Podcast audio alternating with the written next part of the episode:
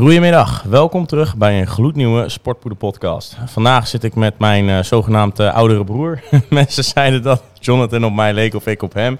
Uh, vandaag zitten we met de enige echte Jonathan Salm. We hebben natuurlijk eerder een podcast gedaan waar we het over nou ja, testosteron en andere onderwerpen hadden. Um, ja, kan je misschien een beetje over jezelf vertellen? Ja, ik ben Jonathan Salm. Vorige, in de vorige podcast uh, iets dunner hoofd dan nu, want ik zat toen in mijn prep. dus voor degenen die me niet herkennen, ik ben het echt. maar uh, ja, ik ben eigenlijk uh, hobby bodybuilder, maar daarnaast ook bodybuild coach. En ik begeleid eigenlijk over het algemeen ja, atleten naar het podium toe. Het is niet per se dat ik alleen maar wedstrijdatleten begeleid. ik begeleid eigenlijk iedereen die een doel heeft, een serieus doel. Maar omdat ik natuurlijk zelf een uh, wedstrijd bodybuilder ben, uh, draag ik dat het meeste uit en trek ik dat ook het meeste aan. Ja, ja dus je bent een bodybuilder, maar je begeleidt ook bodybuilders. Ja.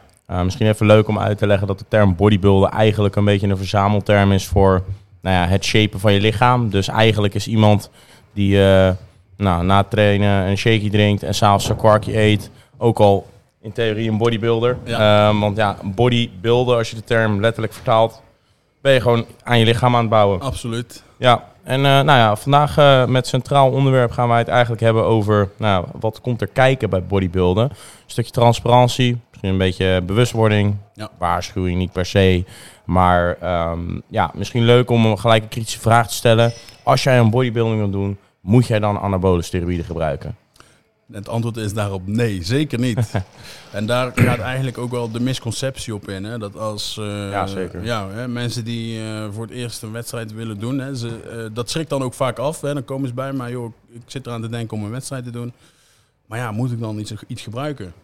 En het is op zich wel logisch natuurlijk dat dat gedacht wordt, omdat als je gaat kijken naar het mainstream plaatje van bodybuilding, dan ga je natuurlijk kijken naar de toppers. Want dat is wat eigenlijk... Chris Bumstead, ja. Wesley Vissers, Urs. exact.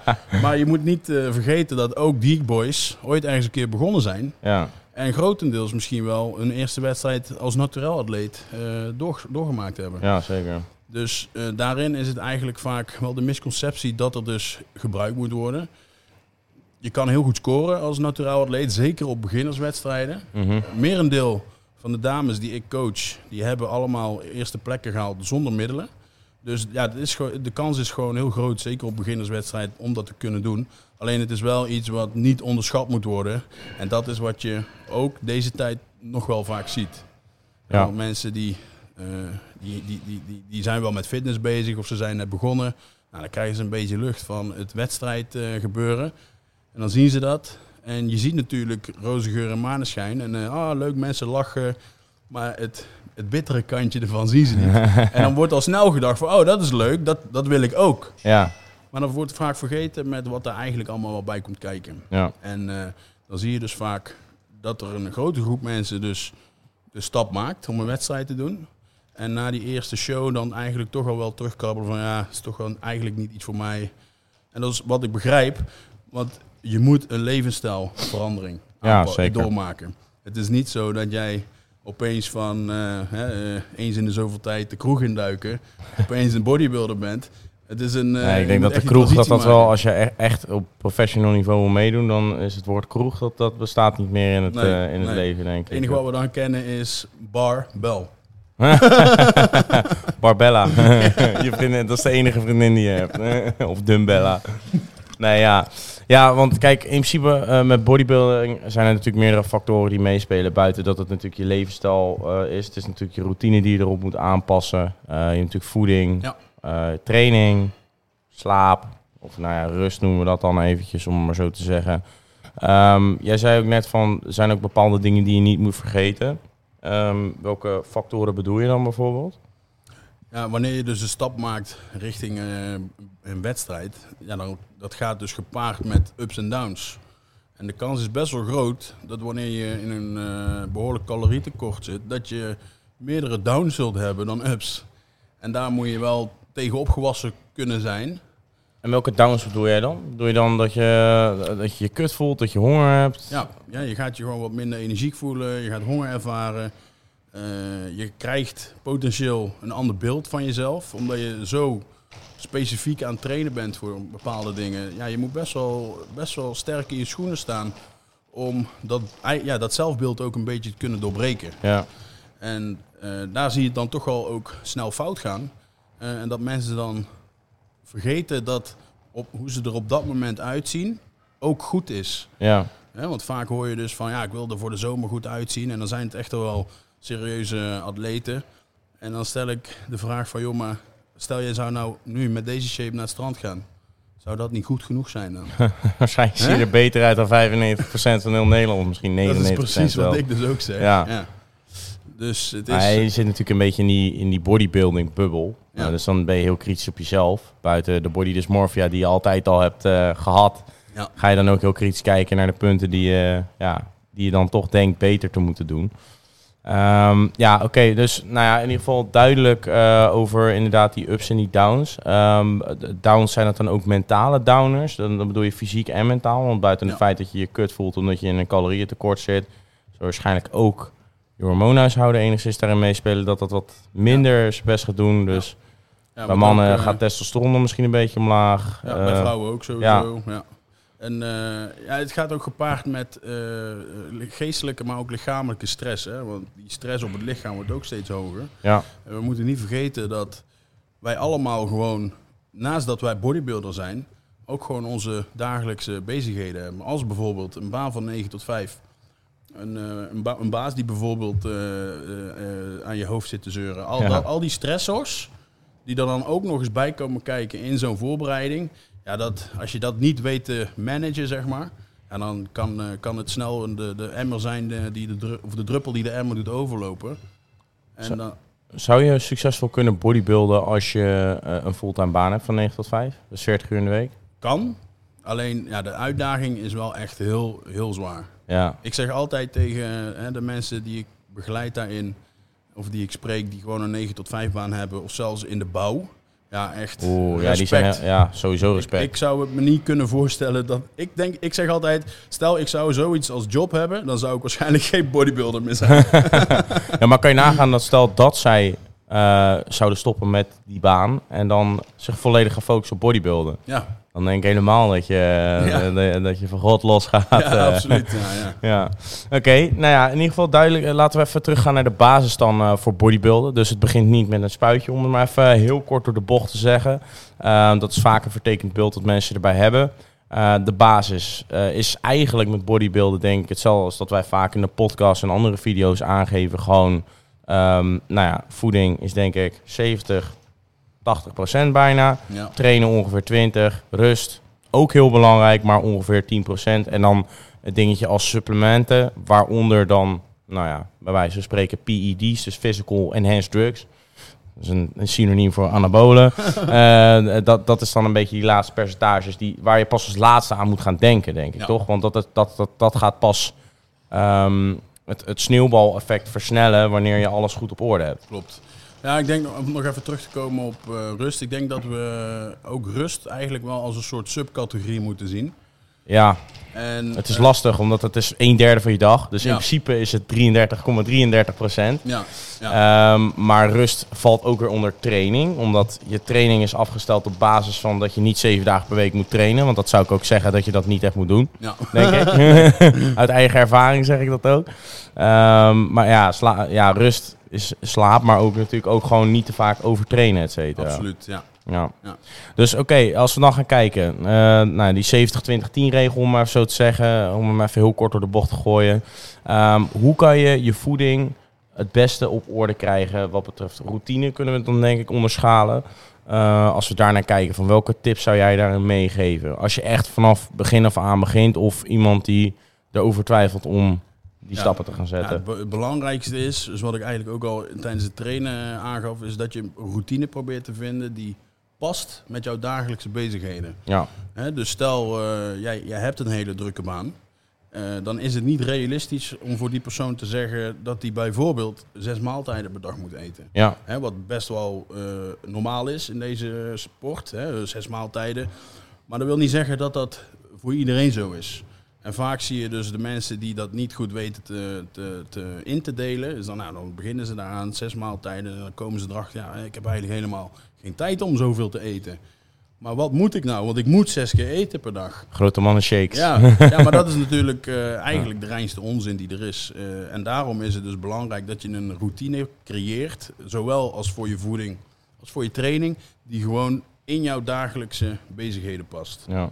En dat je ja, want even terug, sorry dat ik je onderbreek, maar even terug op die zes maaltijden. Uh, het maakt eigenlijk toch geen zak uit uh, hoeveel maaltijden je op een dag eet, zolang je... Ja, we doen dat vaak vanwege de porties, toch? Ja, klopt. Omdat je dan makkelijker die porties kan verdelen. Want als je zes maaltijden in drie maaltijden moet proppen, ja. best wel aardige bakkenvoer wat je naar binnen moet scheppen. Ja, moet je je voorstellen, als ik mijn calorieën uh, over, over drie of vier maaltijden moet gaan verdelen, dan maak ik mezelf echt niet blij. dan zit je met zo'n ja. uh, babypants. En dan zit eh. ik sowieso al wel aan het einde van de dag. Alleen dan is het dus prettiger om kleinere porties te eten. Ja, snap ik. Ja. Oké, um, maar ja, in ieder geval, zoals je zei, dus die routine, je moet het voor jezelf makkelijker maken. Dus kijk naar wat voor jou past. Dus zes maaltijden. Ze zeggen altijd, ja, je moet minimaal vier keer per dag eten. Maakt geen zak uit, zolang het binnen je calorieënbehoefte past. Dat is de basis. Dat, dat is de basis. Dus sowieso is de basis je caloriebehoefte wat betreft voeding. Ja. Um, nou, we hebben het vaak genoeg al gezegd. Hoe, hoe, hoe, verdelen we die calorieën natuurlijk in macro's? Wat is de goede houvast? Nou ja, spiergroei is natuurlijk ons uitgangspunt. Ja. Dus dan zorgen we ervoor dat uh, overschot aan eiwitten eigenlijk de, de, de main factor is, zeg maar. Dan hebben we, als we richting vetten gaan kijken, wordt, wordt de vuistregel vaak uh, gehanteerd op 1 gram lichaamsvet of uh, gram vet per kilo lichaamsgewicht. Uh, dus stel je weegt 80 kilo, nou dan ga je ongeveer uit van 80 gram vetten in je dieet. En de rest is eigenlijk gewoon koolhydraten. Ja, dus en eiwitten dan 2 gram? Ja, ja, ook afhankelijk van hè, wat het doel is natuurlijk. enhanced, ja of nee. Maar ga uit ik hou er van al, altijd van om net even iets meer in te schatten. Dus zeg 2.1, 2.2. Ja, Dan zit je eigenlijk altijd wel goed. Van te veel eiwitten ga je sowieso niet dood. Dus, uh. Nee, inderdaad. Er zijn studies geweest dat als je boven de 4 gram dat nog niet schadelijk is. Nee, Maar het is ook wel een beetje een dure hobby om boven de 4 gram te zitten. Tegenwoordig wel, ja. nou ja, sowieso. Eiwitten zijn een duurdere voedingsbron dan, uh, dan de rest. Dus ik denk dat 2 gram is een goede gemiddelde vuistregel. En jij zegt net ook enhanced. Wat we met enhanced bedoelen, dat is dus die E van PED's. Dat is dus als je inderdaad anabole steroïden gebruikt. En wat goed is, denk ik, daarin om te weten, is dat wanneer je dus nou ja, aan een kuur zit Um, dan neemt jouw lichaam dat beter op. Eiwitsynthese ja, wordt beter. Ja. Wordt beter, gaat sneller zelfs. Um, dus dit is niet van je moet het gaan gebruiken, zeker niet. Uh, alleen het is meer dat je weet dat je meer eiwitten kan opnemen dan dat normaal. normaal, waarschijnlijk als je 2 gram gebruikt op natuurlijke basis, gebruikt je lichaam ongeveer 1,8 van. Laten we zeggen dat je ongeveer 10% weggooit. Uh, alleen bij, als je dus enhanced bent, dan zit je dus op ongeveer 2 gram wat je dan gebruikt. Dus dan ga je daar ook weer even 10% boven zitten voor de zekerheid. Je wil gewoon, je wil niks mislopen. Je wil geen FOMO-effect hebben. En, uh, hey, en uh, eiwitten sowieso heb je het meest thermogenische effect van. Hè? Dus Thermogenisch effect. Dus- Leuk uh, woord voor galgje. Kan je die toelichten? Ja, eiwit, uh, dus je hebt macro's, je eiwitten, vette koolhydraten. Maar de eiwitten die verbranden, of die zorgen er in principe voor dat het lichaam het hardst moet werken om het te verbranden. Ja. Dus dan verbrand je ook meer calorieën. Ja, Oké, ah, oké. Nou, uh, genoeg eiwitten eten in je kut is ook sowieso. Mooi shredded. Ja, inderdaad. Ja, want uh, ook uh, goed om te weten is dat, want hij zei net ook de rest koolhydraten. Je hebt natuurlijk een calorieënbehoefte. 1 gram eiwitten is 4 calorieën. 1 gram ja. vetten is 9 calorieën. en 1 gram koolhydraten is 4 calorieën. Dus al wil je je koolhydraten berekenen, twee keer je eiwittengehalte per dag. één keer, of sorry, vier keer je eiwitgehalte per dag.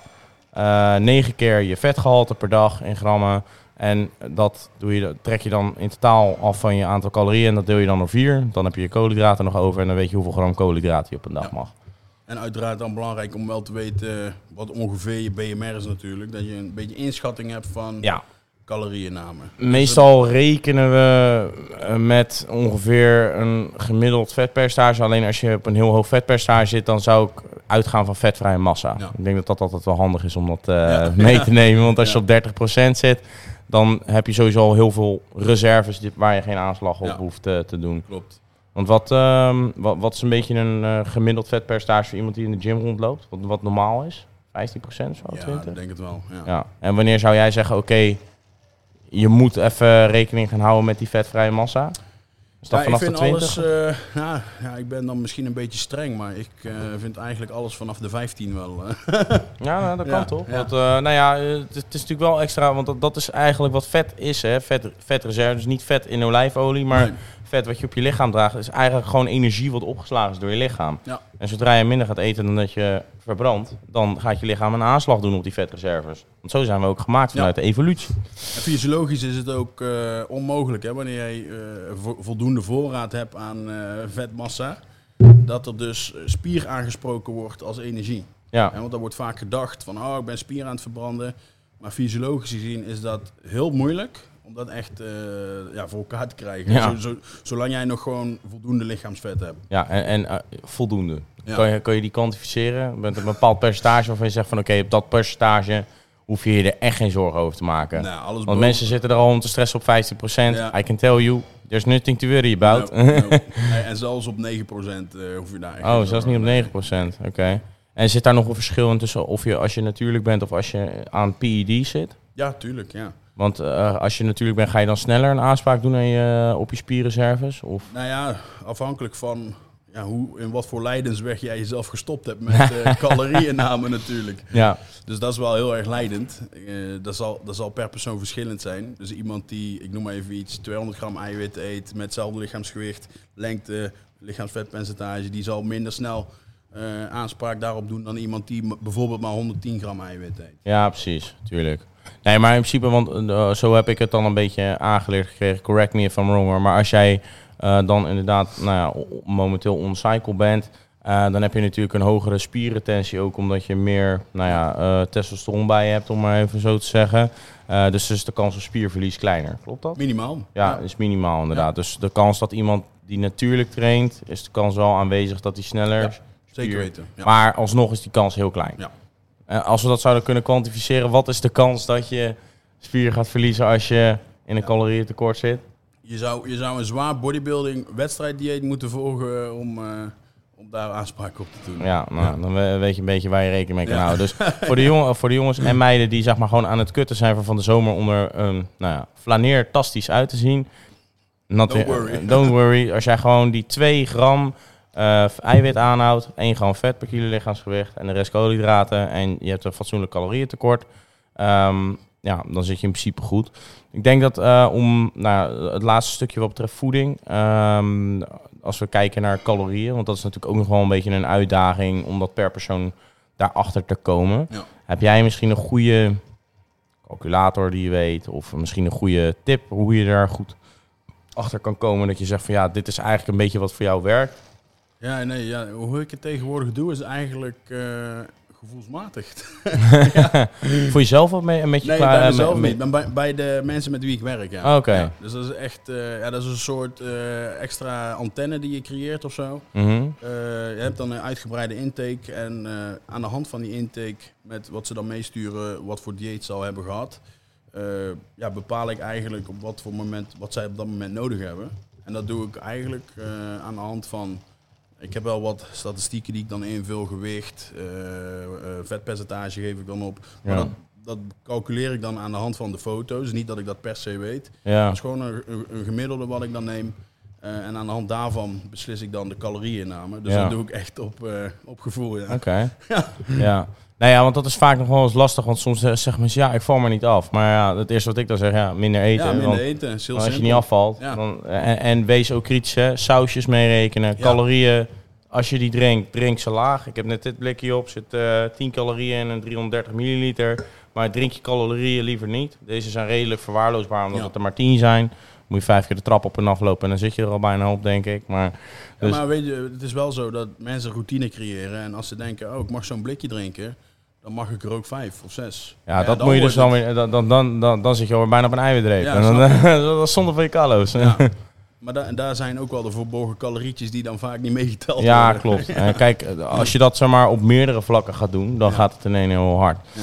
Dus ja, maar ja, in ieder geval, dus eh, ja, eh, val je niet af, minder eten. Ja. Dus eh, ik denk dat dat een goede is voor voeding. Heb jij nog, ehm, Eh, tips voor, uh, nou, want de, de meeste groeimaat zijn wel een beetje op, op budget. Uh, of nou, niet, niet op budget, maar meer in de zin van niemand wil te veel betalen. dus al wil je niet te veel betalen, download sowieso even de sportpoeder, voor de lekkerste korting op jouw supplementen. Maar um, als je kijkt naar oké, wat goedkope eiwitbronnen zijn, of in ieder geval goede kwaliteit eiwitten voor een fatsoenlijke prijs. Eieren. Eieren. Tonijn. Tonijn. Ja, ja, tonijn is wel duur, denk ik, of niet? Maar, ja, nee, nee, maar ik dacht, jij gaat als eerste kwark roepen. Ja, ik dacht, was, die als derde, ja. Oh, ja, ja. ja. nou ja, tonijn is in principe best uh, prima hoor. Ja, het is wel prijzig, maar je moet ook gewoon geen aanmerk kopen. Je moet altijd, als je, ja. misschien tip, als je tonijn wil halen in de supermarkt, want het is best wel lekker als je door je salade heen gooit of op een cracker, weet ik veel wat, met een beetje light mayo. Als je gewoon onderin het schap kijkt, dus niet aanmerk van John West haalt, maar gewoon echt aanmerk van de supermarkt, prima tonijn. Dan valt het nog best wel mee hoe duur het is. Maar weet je, het vervelende is met die blikjes, dan moet je zo'n uh, opener voor hebben. En die John West, die kun je mooi lekker Oh, zo, ja. Ja, dan moet je één keer een opener aanschaffen. Na drie blikjes heb je er waarschijnlijk al uit. Ja, dat denk klopt. ik. Het is gewoon altijd je opener op heup uh, bij Nee, maar kwark uh, wilde ik als derde zeggen, maar dat komt omdat ik zo'n fancy kwark-eter ben die alleen maar met die smaakjes eet, weet je wel. Die Lindal. ja, ja, ja, ja. Oh, oké. Ja, nee, ik heb tegenwoordig hebben we ook... Um, je hebt heel veel van die nieuwe smaakjes tegenwoordig wat je er doorheen kan gooien. Oh ja. Pol, dat is lekker. Ja, dat, is echt, dat moet je echt een keer proberen, man. Dat is, uh, dat is good, uh, good shit. Dan, uh, kwarks, kwarks nog nooit zo'n groot feestje geweest. Dat, uh, oh, zelfs ik vind het in een lekker om oh, kwark te eten. Oh, ja. En dat vond ik normaal echt zo smerig. Ja, je moet dus even door de zure... Ik, ik, ga deze bulk, ook, ik ga deze bulk ga ik gas geven, jongen. Ja. Dan ga ik echt gewoon 3 gram eiwit per kilo liggen terug naar binnen werken. Dat, nee joh. Maar oké, okay, um, voeding um, hebben we dan denk ik wel redelijk gehad. Want dat is, ja, dat, dat is iets heel persoonlijks. Dat moet je echt invullen aan de hand van, jou, ja. van jouw routine. Nog um, één ding daarop aan te vullen. Oh, ja. Ook, uh, hè, we zijn natuurlijk bezig met, oké, okay, wat zijn goedkope producten, maar zoek ook naar producten waarvan je weet dat kan ik goed verteren. Ja. Ook heel belangrijk. En zeker wat dan een uh, interessante maaltijd is, bijvoorbeeld kort voor het trainen, is wat nou helemaal in de, in de bodybuilding scene uh, een trend is, is cream of rice. Oh ja. ja dus dat is gewoon rijstbloem, waar je dan whey bij gooit. Doe je een beetje water bij. En dan heb je een heerlijk, uh, heerlijk papje. Pre-workout maaltijdje. Dat is lekker. En een pre-workout, niet postmaal. Ook, ja, kan ook. Ja. Ja, ik kan, kan er voorbij zien komen inderdaad al een paar keer. Dus wel, uh, ja, good shit uh, volgens mij. Ja, dat is zeker, wel lekker. Zeker. Ja, Wesley was de vorige keer aan het eten en ik rook het en toen kreeg ik er trek van. Dus, ja. uh, maar ik krijg tegenwoordig overal trek van in de kut. dus dat... nee, maar in ieder geval, ja, voeding. Um, dan, dan kijken we naar training. Um, moet je heel anders trainen als je, nou ja, qua, qua verschil tussen natuurlijk of niet natuurlijk? De basis is vooral belangrijk dat je gaat kijken hoe herstel je van training tot training. En dan maakt het niet uit of jij wel of niet iets gebruikt. Uh, als jij een split voor jezelf hebt gecreëerd waarvan je merkt dat je gewoon nog niet hersteld bent, dan moet je je split aanpassen. Ja. Dus dan maakt het, hè, want je kan, je, kan, je kan zelfs te veel trainen ook als je, als je middelen gebruikt. Alleen dan is dus de focus op de herstel. Ja. Hoe herstel je van uh, training tot training?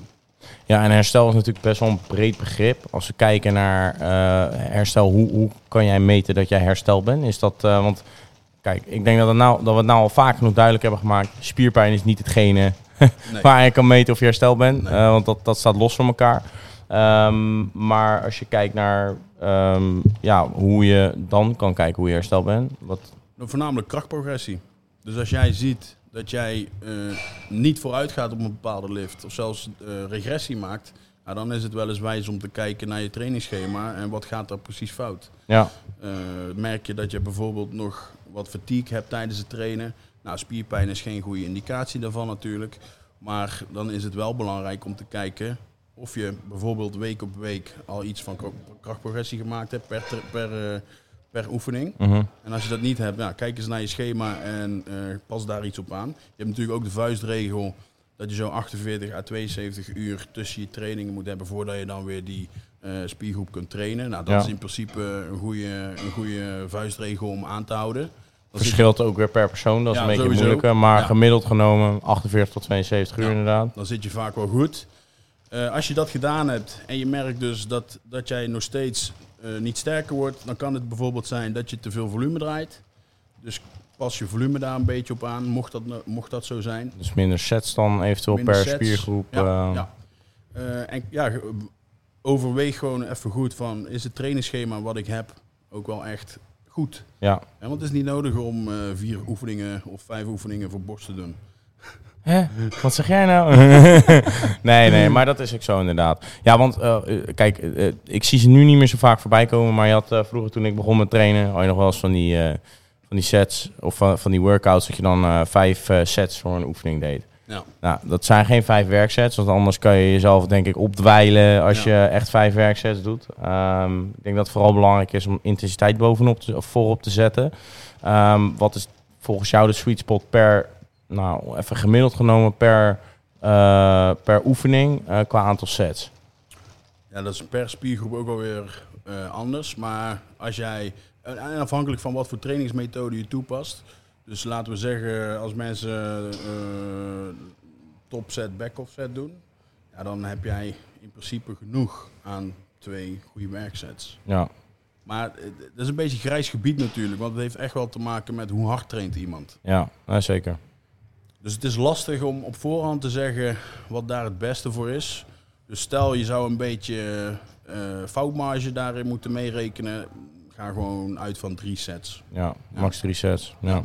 Ja, dan drie werksets. Ja. ja dus als je even, bij wijze van spreken, je gaat 80, 90 tot 100 kilo benchen. Die 60 kilo die je even oppakt, dus, dat, die moet je niet meetellen. Nee, dat is een vierde set. Ja, dat is eigenlijk een vierde set inderdaad. Dat, dat, dat is gewoon een opwarmsetje. Ja. Dat, uh, ja.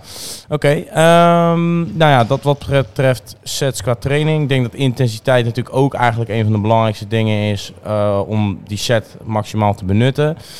Um, is trainen heel anders uh, als je dan bij wijze van spreken aan enhance zit, omdat um, de, de spierherstel of het, spierherstel gaat sneller. Ja. Zou je dan bij wijze van spreken, want ik, vroeger was het nog wel eens zo dat ze zeiden, ja, je kan s'morgens en s'avonds benen trainen. Dat is erg enthousiast, maar dan moet je wel hele speciale Superman gear gebruiken. Ja, ja, ja. het biedt vooral de mogelijkheid om de trainingfrequentie hoger te hebben. Mm. Dus uh, stel dat het eerder drie dagen duurde voordat jij weer uh, push kon trainen. Kan nou best zijn dat, dat, dat je daar met twee dagen of anderhalve dag alweer uh, klaar voor bent. Ja.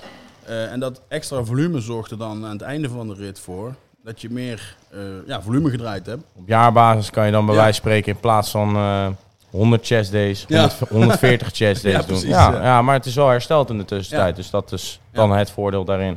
Maar dat is dan denk ik ook wel echt voor wedstrijdambities. Dat je dat nodig hebt, omdat je natuurlijk spier wil opbouwen. Klopt, ja. Dus voor de gemiddelde hobbysporter niet aan te raden. Absoluut niet. Nee, nee. nee. nee. Nou ja, want wat, uh, waar denk jij dat voor jou, uh, of wat, wat vind jij de grens de, waar iemand dan bij wijze van spreken overheen moet stappen om nou, anabole steroïden te gaan gebruiken? Uh, want ja, er zijn natuurlijk verschillende soorten profielen binnen de community. Of gewoon überhaupt in de gym voor mensen die inderdaad die drempel overgaan. Ja. Uh, en ik judge verder niet. Iedereen moet zelf weten wat hij doet. Ik ga het zelf nooit doen. Misschien op latere leeftijd TRT Mhm. uh, voor kwaliteit van leven. Maar voor wedstrijdambities heb ik niet. Um, Nee. Ik zeg altijd, als het je werk is, dan kan je het overwegen. Maar waar, waar ligt voor jou die grens? Nou ja, dat is, uh, dat is inderdaad goed wat jij zegt. Stel je hebt uh, op jonge leeftijd de ambitie om wedstrijden te doen. Je hebt daar goed over nagedacht. Je Je bent weet, 18 plus. je bent 18 plus. Je, je, je hoort van peers dat je goede genen hebt. Dat is ook heel belangrijk. Uh, Peers, bedoel je dan? uh, mensen in jouw omgeving, korte omgeving. Dus vrienden, familie, Ja. uh, mensen waar je mee traint. En dan is het echt belangrijk om het, het gesprek met jezelf te hebben in de spiegel. En te zeggen van oké, is dit iets waar ik potentieel de rest van mijn leven mijzelf aan kan toewijden? Ja. Want om een voorbeeld te geven, een eh goede vriend van mij, die, eh, ja, die is op jonge leeftijd ook begonnen met kuren. Eh, maar op een gegeven moment had hij dus de behoefte om ermee te stoppen. Maar zijn eigen productie kwam niet meer op gang.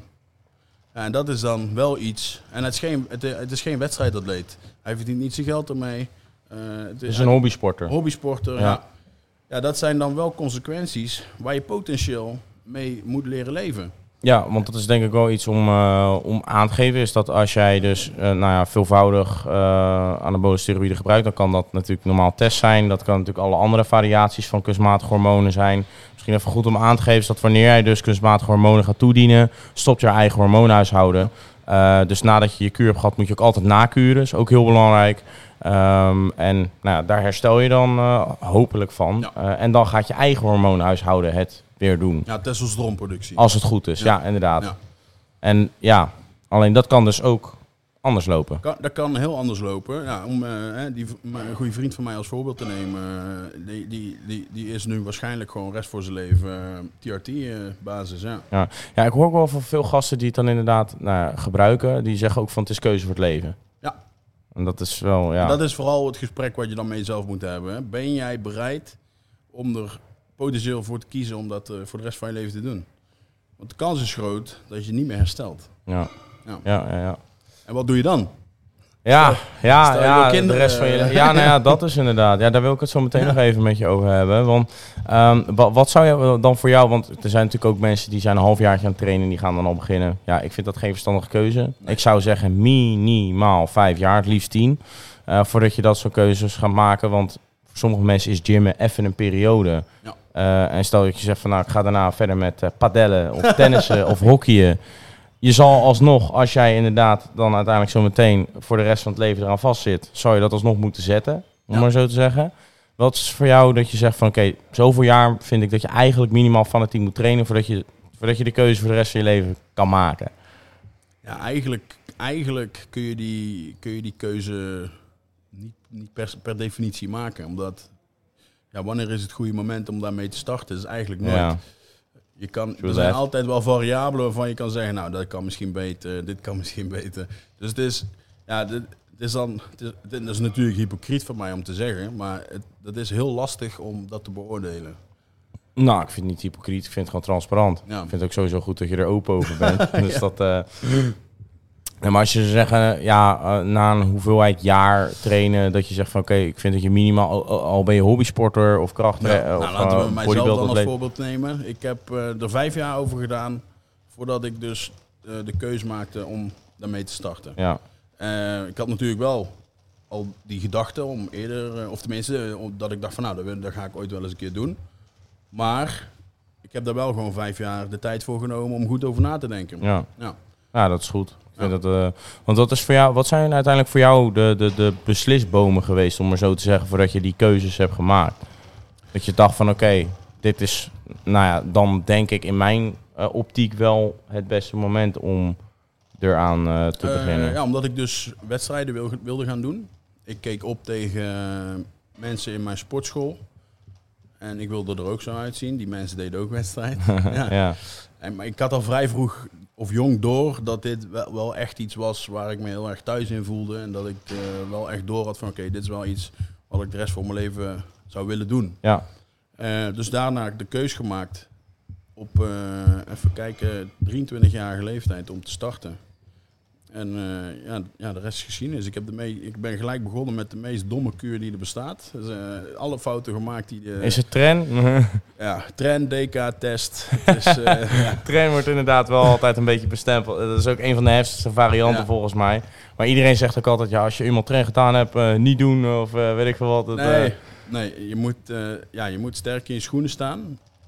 maar daarom, mede daarom dat ik er gewoon zo open over ben. Ja. Want de fouten die ik gemaakt heb is gewoon echt niet nodig. Zeker op het moment van nu, hè, met, de, met de platformen die we hebben, alle, alle basiskennis die er al beschikbaar is. Ja. En daarin probeer ik dan gewoon hè, nog een rijk, toereikende hand te geven. Ja. jongens, doe dit niet. Nou ja, precies. tenminste niet de fouten die ik gemaakt heb, laat ik het zo zeggen. Ja. Nou ja, omdat gasten die denken van, oh ja, ik wil graag groot worden. En dan denken ze gelijk aan tren. Alleen tren is natuurlijk niet... Uh, nee, ja, is niet de basis. Tren is onderhand wel een beetje een meme geworden binnen de, binnen de fitness volgens mij. Ja, nou ja, meer omdat het natuurlijk zo heftig spul is. Dat, uh, je kan ook makkelijk bouwen met test. Want ja, we hebben test zelf ook in ons eigen lichaam zitten. en daar is het ook jaren mee gelukt. Maar in ieder geval goed dat je daar zo, uh, zo open over bent. Um, ik wilde zo meteen nog eventjes terugkomen op hetgene wat jij net tijdens het trainen uh, vertelde. Uh, dus dan hebben we het nu over training. Nou, in principe, je herstelt sneller. Um, we hebben het natuurlijk over voeding gehad. Uh, rust, nou, daar gaat het eigenlijk ook over tijdens bodybuilden. Ik denk dat het al redelijk vaak benoemd is in onze podcast. Gewoon minimaal 8 tot 9 uur slaap.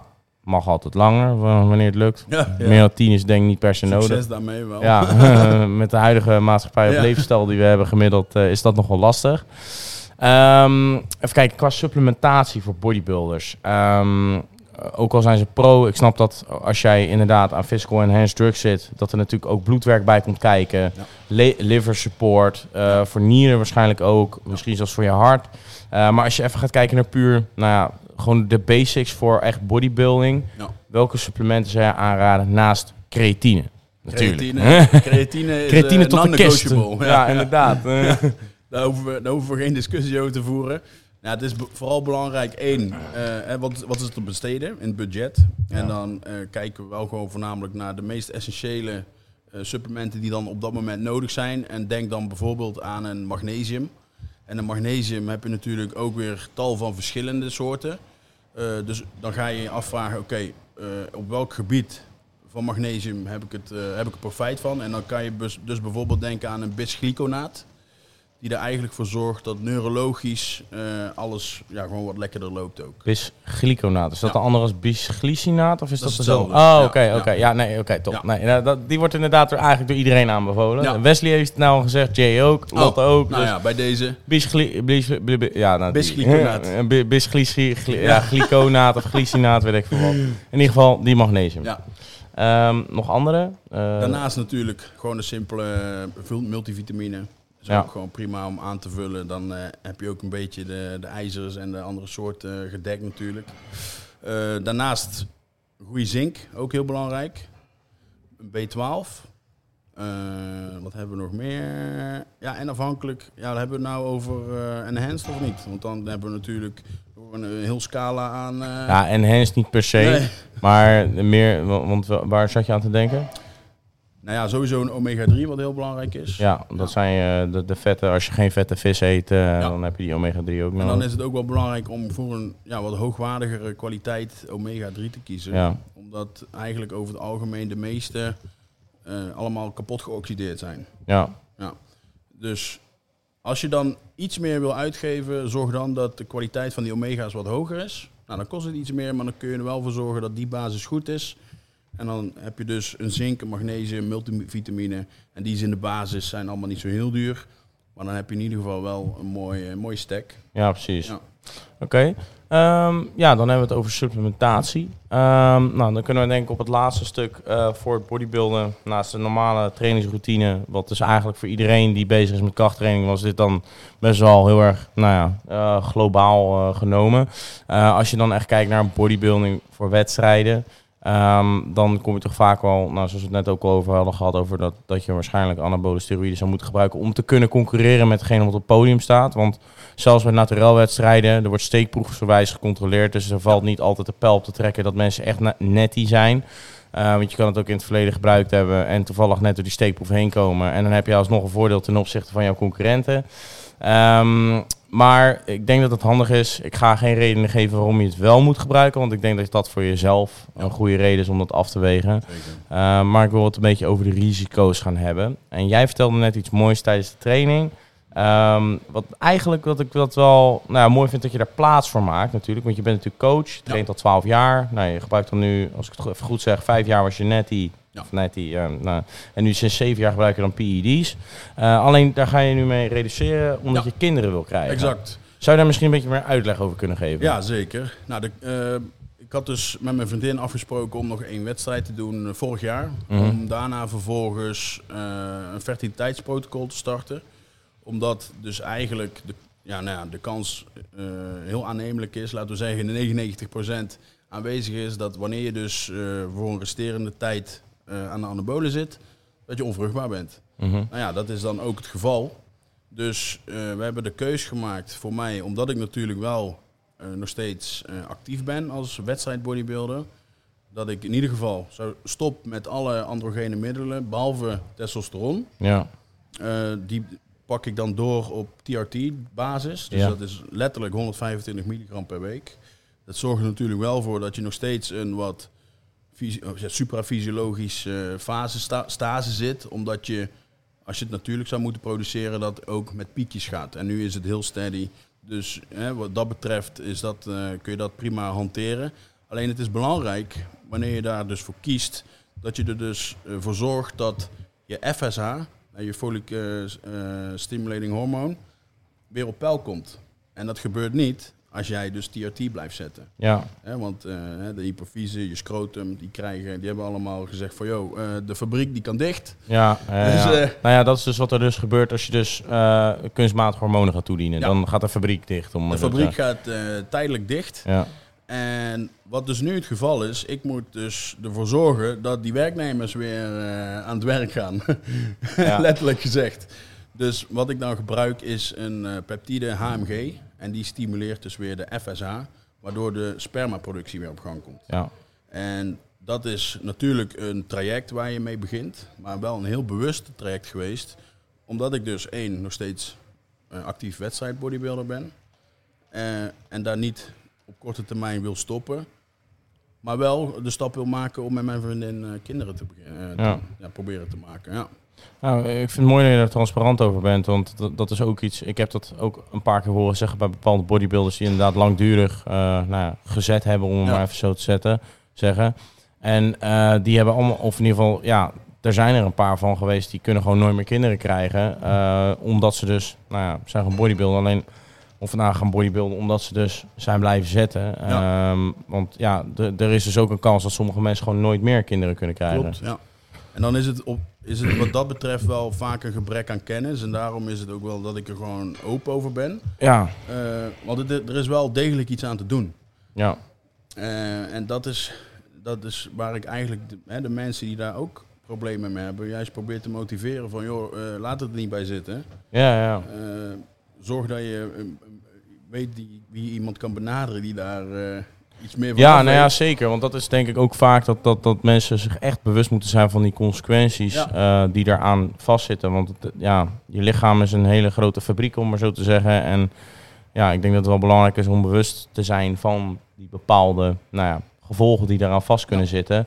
En dit is er wel echt eentje die nou, generaties meegaat. Want je kan je volgende generatie bij wijze van spreken niet doorzetten. Ja, precies. Ehm, want als je kijkt naar andere bepaalde risico's die eraan vastzitten, als jij dus bijvoorbeeld eh, nou ja, langdurig kuurt of zonder eh, juiste begeleiding. Eh, want ik denk dat sowieso, voordat je die, is trouwens misschien eentje die we aan het begin van de podcast zelfs al best hadden kunnen gaan aangeven.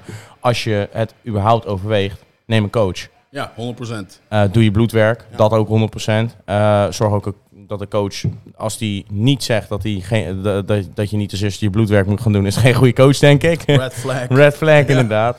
Ehm, dus ja, inderdaad, doe je bloedwerk. Ehm, maar wat zijn bepaalde negatieve ervaringen die jij hebt gezien? Nou, het, grote probleem is vaak dat er ook geen aandacht wordt besteed aan eh, ja, belangrijke eh, eh, eh, hoe heet het, eh, bijwerkingen.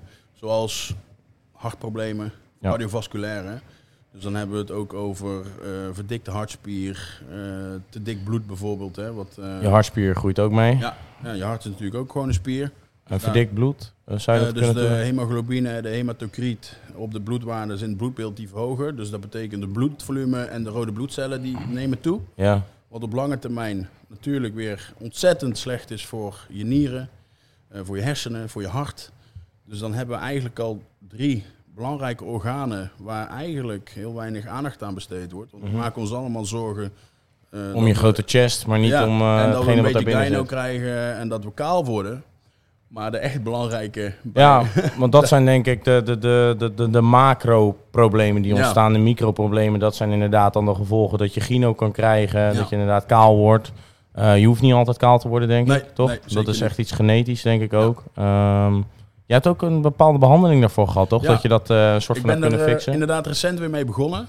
Eh, in mijn prep was ik daarmee gestopt, omdat er dan zoveel eh, extra bij komt dat je daar eigenlijk weinig zin Ja, meer in had. Maar nu weer mee begonnen, dus ik hoop mensen die mij de vorige keer gezien hebben, dat ze nu zien dat ik weer iets volle haar heb. Maar, maar dat is dus inderdaad het proces waar, wat ik nu weer ben gestart. En ja, dat, dat werkt zeker voor mensen die geen androgene middelen gebruiken echt heel goed.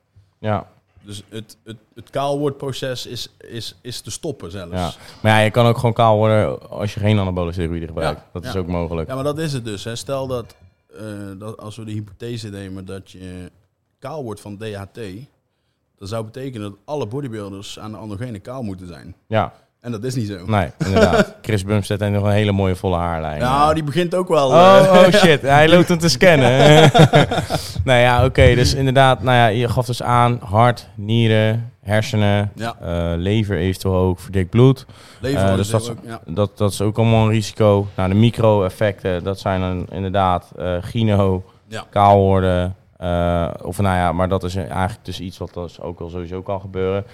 Zijn er nog andere dingen waarvan je zegt van pas hiermee op of weet hier, wees hier bewust van? ja, je gemoedstoestand, hè. De mentale staat, Ja. die is ook eh, heel... eh, Dat is belangrijk. Misschien ja, ook wel een van de belangrijkste natuurlijk. Ehm, ja, hoe, hoe ik het altijd zeg is... Je hebt, eh, als je het idee hebt om ermee te beginnen, dan moet je, moet je dus wederom weer in de spiegel kijken en met jezelf het gesprek hebben. Wat voor persoon ben ik? Wat voor persoonlijkheid ben ik? ja, Want die persoonlijkheid, die gaat vergroot worden. Ja, Dus ben jij een klootzak van jezelf, dan word je een super klootzak. ja. Zo Nou ja, je ik hoor heel veel mensen zeggen ook van ja, eh, als je aan de kuur gaat moet je niet in een relatie zitten. Omdat ook ehm, sommige mannen worden van een eh, grote hoeveelheid testen nogal dierlijk. Ja, ja, ja, 100%. Ehm, die gaan overal naar kijken, die vinden het helemaal mooi. Of in ieder geval, die, die, die kunnen zich echt niet beheersen. Ook agressiviteit zou ook kunnen. Ja. Maar dat is dus wat je vaak, dus daar wordt trend vaak belachelijk om gemaakt. Omdat je daar, daar is het helemaal heftig wat daar gebeurt. Eh, maar daar gaan we maar niet te veel eh, te nee, diep op nee, in. kan eh. niet te veel aanmoedigen. Maar het is inderdaad die mentale toestand buiten het feit dat het mentaal ook enigszins verslavend is misschien. Omdat je natuurlijk in je Ja. prime zit precies tijdens zo'n cycle. En als je, als je off-cycle zit is het contrast best wel groot. Ja. Dat is ook het gevaar en het verslavende gedeelte. Ehm, Ik, ik, ik zeg ook altijd, iemand die zegt dat hij één keer kuurt, die houdt zichzelf voor de gek. ja, dat is denk ik ook wel echt een, een, een- ja, misschien ook een mooie om hem, eh, om hem mee af te sluiten. Dat je, het, het is wel echt een, een keuze voor het leven. Ja. En niet alleen omdat je misschien voor de rest ehm, van, je, van je leven ver- me- medisch verplicht bent om het door te, mee door te gaan. Om je lichaam in überhaupt een goede staat te houden. Maar Mm. gewoon, Jay zei ook een keer, als je één keer met getraind hebt, wil je nooit meer zonder. Klopt. En ja, dat is denk ik ook wel eentje die we niet moeten vergeten. Dat, dat je er gewoon eigenlijk nooit meer vanaf komt. En kijk, met bodybuilding is het denk ik best wel een nou, enigszins oké keuze om dat te doen. Alleen als gemiddelde hobbysporter, om maar zo te zeggen, denk ik het niet. Nee, nee. Nee. Ja, en sowieso om goed eh, aan te vullen is natuurlijk, mochten, mochten er mensen zijn die met hè, be- bekende problemen eh, kampen, waar we het net over ge- gehad hebben, dan is het natuurlijk altijd verstandig om bijvoorbeeld eh, mij daarvoor te benaderen. Maar daarnaast hebben we natuurlijk ook eh, dokter Diederik Smit, die op dit moment eh, eigenlijk wel een voet tussen de deur probeert te zetten voor ex-bodybuilders of ex-gebruikers en voor mensen die hun eerste kuur willen starten. Ja, en hij, wat ik zeg, hè, zet eigenlijk de voet tussen de deur om, als ik het goed zeg, nu een van de eerste hormoonklinieken in Nederland te starten. Heb je alleen maar in het buitenland volgens Ja. mij. Ja. Dus eh, ja, mochten, mochten er mensen zijn die met probleempjes kampen, eh benader Diederik Smit. Eh, of, of via mij dat ik je doorverwijs. Gaan denk ik ook maar binnenkort eens even een podcast met hem opnemen dan. Ja, dat is heel interessant. Ja, ik heb ook al een podcast met hem gedaan. Ah shit, via- zijn we niet, hebben we Nee. geen primeur? Nee, nee. met Cosso. Oh, Ja. oh, wacht, was dat hij? Dat oh, oké. ja, Oh. Ja, nee, nice. Ja. Nou ja, dat, eh, ja, die gaan we dan sowieso ook even benaderen daarvoor. Maar dat, ehm, zijn, zijn er nog andere nou, laatste tips die je zou willen meegeven voor de luisteraars, voor mensen die erover twijfelen? Sowieso bij twijfel nooit doen. Nee, bij twijfel Ik denk dat de eerste- ze altijd. Ja, Ja. ja. ja dat vind ik ook een mooie. Ja. Bij twijfel niet inhalen. Nee, maar an- andere ja, tips als mensen er nou niet over twijfelen, maar dan... Ja, heb- ga niet over één nacht ijs eh, een beslissing maken. Dat is het voor het belangrijkste. Hè? eh, Maanden, jaren misschien zelfs? Ja, ja laten we gewoon zeggen dat er toch wel echt eerst een aantal trainingsjaren overheen gegaan moeten zijn. Het is niet erg om tijdens die periode erover na te denken. Dat is juist goed. Hè? Laat, het, eh, laat het zaadje maar eh, broeien. Word je in die periode word je hopelijk ook wat meer volwassen. Dat je er op een andere manier naar kunt kijken of over na kunt denken. En dat je dan een wel overwogen beslissing kunt maken. Ja. Ja. Oké. Nou, ik wil jou hartelijk bedanken voor jouw uh, transparantie ook sowieso. Uh, dat siertje, ik denk dat er niet zo heel veel mensen zijn in Nederland die er zo transparant over zijn. Maar in ieder geval thanks uh, ja, voor je aanwezigheid en dat wij hier aanwezig mochten zijn in de prachtige Fox Gym. Um, laat even vijf sterren achter op Spotify als je maar aan het luisteren bent. geef Jonathan even een, een follow op, op Instagram en Evolving Physiques. Mocht je nou nog een goede coach zoeken, nou, ik denk dat je bij Jonathan wel aan het goede adres zit. We hebben een mooi team. Dat geloof ik zeker. Uh, thanks voor het kijken of voor het luisteren en tot de volgende keer weer. Tot ziens. Ciao. Ciao.